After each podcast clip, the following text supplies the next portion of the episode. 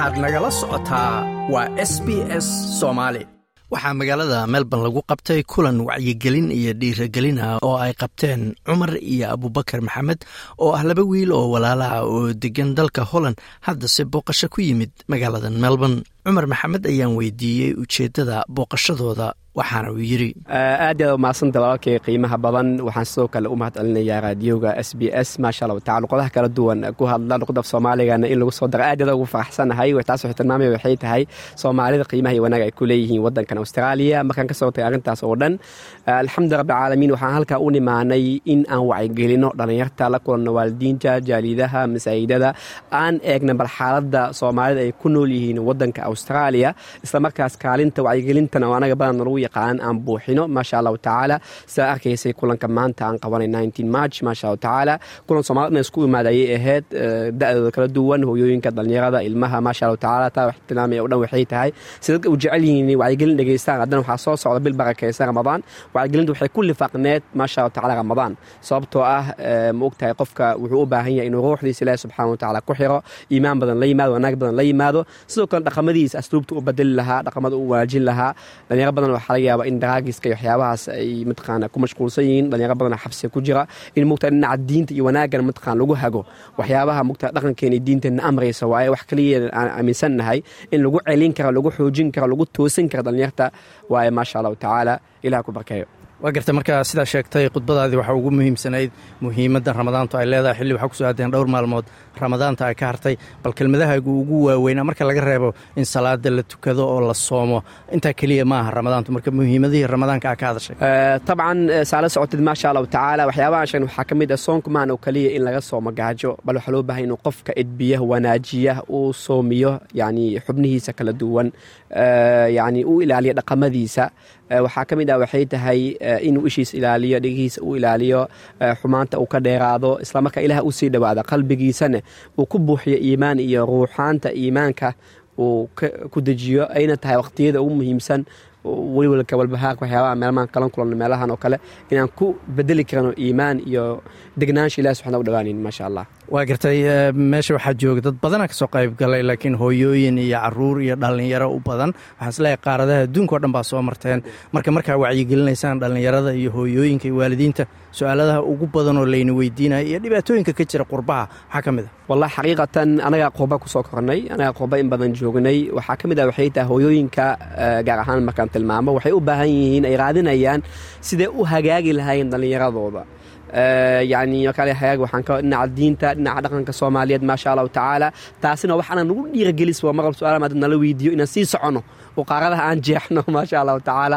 Safar adheer aan u soo galno waa garta australia adduunka waa ka fog tahay baa la dhahaa. Ilaa ayada dhowr maalmood aad joogteen maxaa kaaga baxay? Soomaalida joogta iyo guud ahaan australia wallaahi maasha australia wadda aad u qurux badan waaye sidaas dhan uma malaynayn maasha allahu tacaala waddan waddamada anaga ka nimaan kale waa laga boqolaal san dhisan tahay australia maasha allahu tacala taban boqolaal sana dhisan tahay laakiin waxaa ula jeeda waxay tahay wuu cusub yahay wax walba maasha allahu tacaala marka dockland aad oo kale habka loo sameeyey waa wax laga fikiray yani markaa fiiris holland oo kale laga yaaba sideed boqol sagaal boqol guri qadiimi ah centerka ku yaalo meelo taariikhi leedahay dabcan meelo badan ma soo boqon laakiin waxaa dareemaya waxay tahay maasha generationka qarniga labaatan kuwaad labaatankabo yani habkay u baahnaayeen oo kale loo dhisay australia dhisma markaan ka tilmaamayo.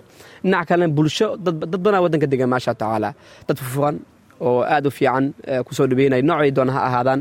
Jinsiyado kala duwan chinesa arkaysa caraba arkaysa dad kale irisha arkaysa maxaa dhihi lahaa waddankan dadka u dhashaa arkaysa dad badana arkaysa maasha allah tacaala waa garta adii holland aad degan tihiin yurub soomaali badanaa degan wadamo badanaa marteen ayaga laftigooda soomaalida jaaliyadda degan yurub siday u nool yihiin iyo markay noqoto dhallinyarada qaaraa xabsiga ku jira sheegtay maxaad kula talisaan ama ku wacyigelisaan? Wallaahi ilaahi subxaana wa tacaala ku xifdiya akhii tabcan wacyigelintu aad bay u ballaaran tahay. Marba baahida qofka iyo xaaladdu qofka ku sugan yahay waxaan ula jaan qaadnaa sida yacni ugu fudud ilahi wuxuu dhahay udu ilaa sabiili rabbika bilxikma xikmaddaa muhiima xikmaddan waxay tahay in wax walba dhigi kartid booska loo baahnaa qofka mugta waa ina eegtaa yaaba qofkan. Qofkan se ula hadlaa dad badan waxaa aqoon yahane eh dad badan jaamacada soo dhameeyey.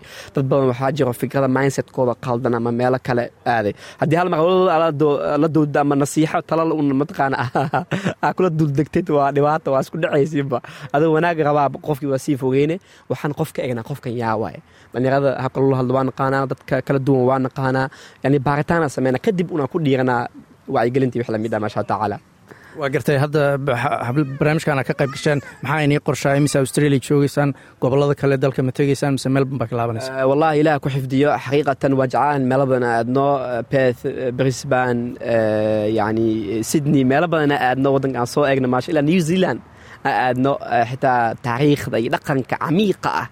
Wadamada ay leedahay meelaha badan aan soo boqon aad jeclaan laheynay laakiin dhibaatada waxaa waaye ustaadii wakhtiga aad nagu yar. Ramadaana soo dhow dabcan meel mogtahay familka iyo ehelkana la soonta aad u fiican tahay dadka masaakiinta ramadaan ma waxaan sameyna waa afur siinaa caaday noo tahay taasa lagama baaqan karo inaan sii wadno waa jeclaan lakiin taasaa ka xoog badan oo mataqaana baahida jirta maasha allah waa garta ugu dambaynta marka soomaali badan hadda carruurta waxay kula noqdaan africa ama soomaaliya ama dalalka carabta oo muslimiinta haddana waxaan aragnaa dhalinyaro badan oo afrika weli ka soo tahriibayso maraykan iyo yurub iyo u socda.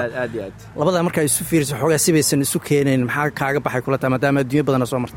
Wallaahi tabcan taasi waxay u baahan tahay in tafsiir dheer laga bixiyo. Ma ahan wax oo yani si un fudud loogu jawaabi karo sababta waxay tahay mogtahay meeshan waxaa loo yimid yani annagoo cararayno aan ka cararayn wadamadiina aan jecelnahay guryihiina aan ka tagnay.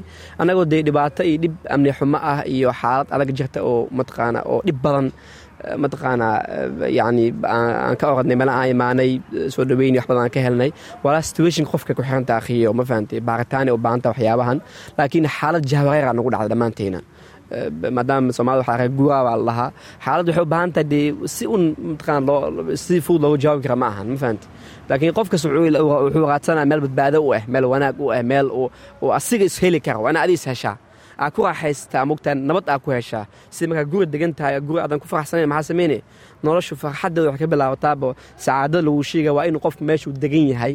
Yani goobta uu joogo uu ku faraxsan yahay waa macnaheedu mogtahay laakiin waxaa muhiima oo keliya min odaya waxaan ka maqli jiray inaad yani meel u safartid oo aa u guurtid hal sana kaa khasaartay adoo mataqaan nolosha halka sana ka khasaartay waa dareemay yani jahwareer badan ugu dhacay wacyigelin badan loo baahan jaaliyadaha iyo mataqaan xalalka dadka odayaasha loo baahan inay arrintaas u fikiraan si mataqaan qoto dheer maxaa danno ah aayihiina sideeda konton sano soo socdo labaatan sano soo socdo wax istaraatiijig u baahan waayo oo si wacyigelinta xitaa dadka markaa la hortagiisa waxaa u baahan tahay mogtaa maan oo keliya guur ama guurin ma ahan jawaab ma ahan waa ina mogtaa hab istaraatiijig oo mataqaanaa ka ambaqaadin dadka kale waddamada u soo qaxay yimid sidee u kala kulmeen? Dad badanaa faraxsan degan waddamadooda tago ilmahooda dhaqanka iyo diintooda ku xiran. Meelo badan ka fiican yani waddamada la tagaayo waa aragtay wadamo badan hadda turkiya la aaday syria la aaday meelo badan la aaday. Waa ogtahay sida yani ismarka somalia ka soo tageen. Yani waxaa leeyahay waxay waxay u baahanta istaraatiijig adag oo la diraaseeyey jaaliyadaha xataa gaar ahaan wadamadaas degan oo safaaradaha ha ahaato. Inay ummadda dadku wacyigelin buuxda ka siiyaan waayo meesha u soo guurayaan waayo meesha u imaanayaan dhibaato may kala kulmayaan? Yani waa dareemay mogtaa ustaadi taasina yani dadku way waxyaris waxaa u malaysaa inay yani una u malaysid in stabiil stabilityd uusan jirin. Qof markuu stabiil u yahay waa wax kastoo u furda inuu qabsado waxaa sidoo kale barnaamijka ka qayb galay cabdirasaaq maxamed oo ah guddoomiyaha ururka somali voice victoria waxauna ka waramay kulanka. Waxay ahayd muxaadar aada u qurux badan dhallinyaro badan ka soo qayb gashay mudnaanteeda leh bisha ramadaana soo socota barakadeeda leh laba ninoo martiya sidaa la wada socotaan oo walaalaa nooga yimid holan oonu ku soo dhoweynay aanu la qabanay howlo badan alxamdulilah rabbialcaalamiin ay aadna noogu hagaagtay bulsho intaan laego meel isugu timaadana ay tahayba markii iigu horreysay ama aad ay u yartaaba in la arko bulsho dhallinyaraha oo intaan la eego meeshaan isugu timaada insha allahna waxaannu rajaynaynaa kuwooga wax ka waana qaata oo ka wacyi qaata oo insha allah joogta ka dhiga.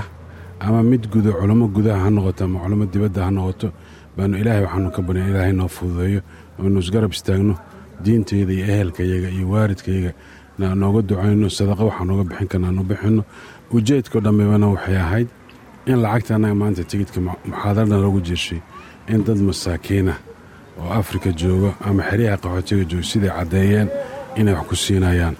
Marka waa arrin wanaagsan oo laba khayriyaad leh insha allahna waxaan rajeynaa inaanu sidaa ku sii wada doonno. Kaasi wuxuu ahaa cabdirasaaq maxamed oo ah guddoomiyaha ururka somaali voice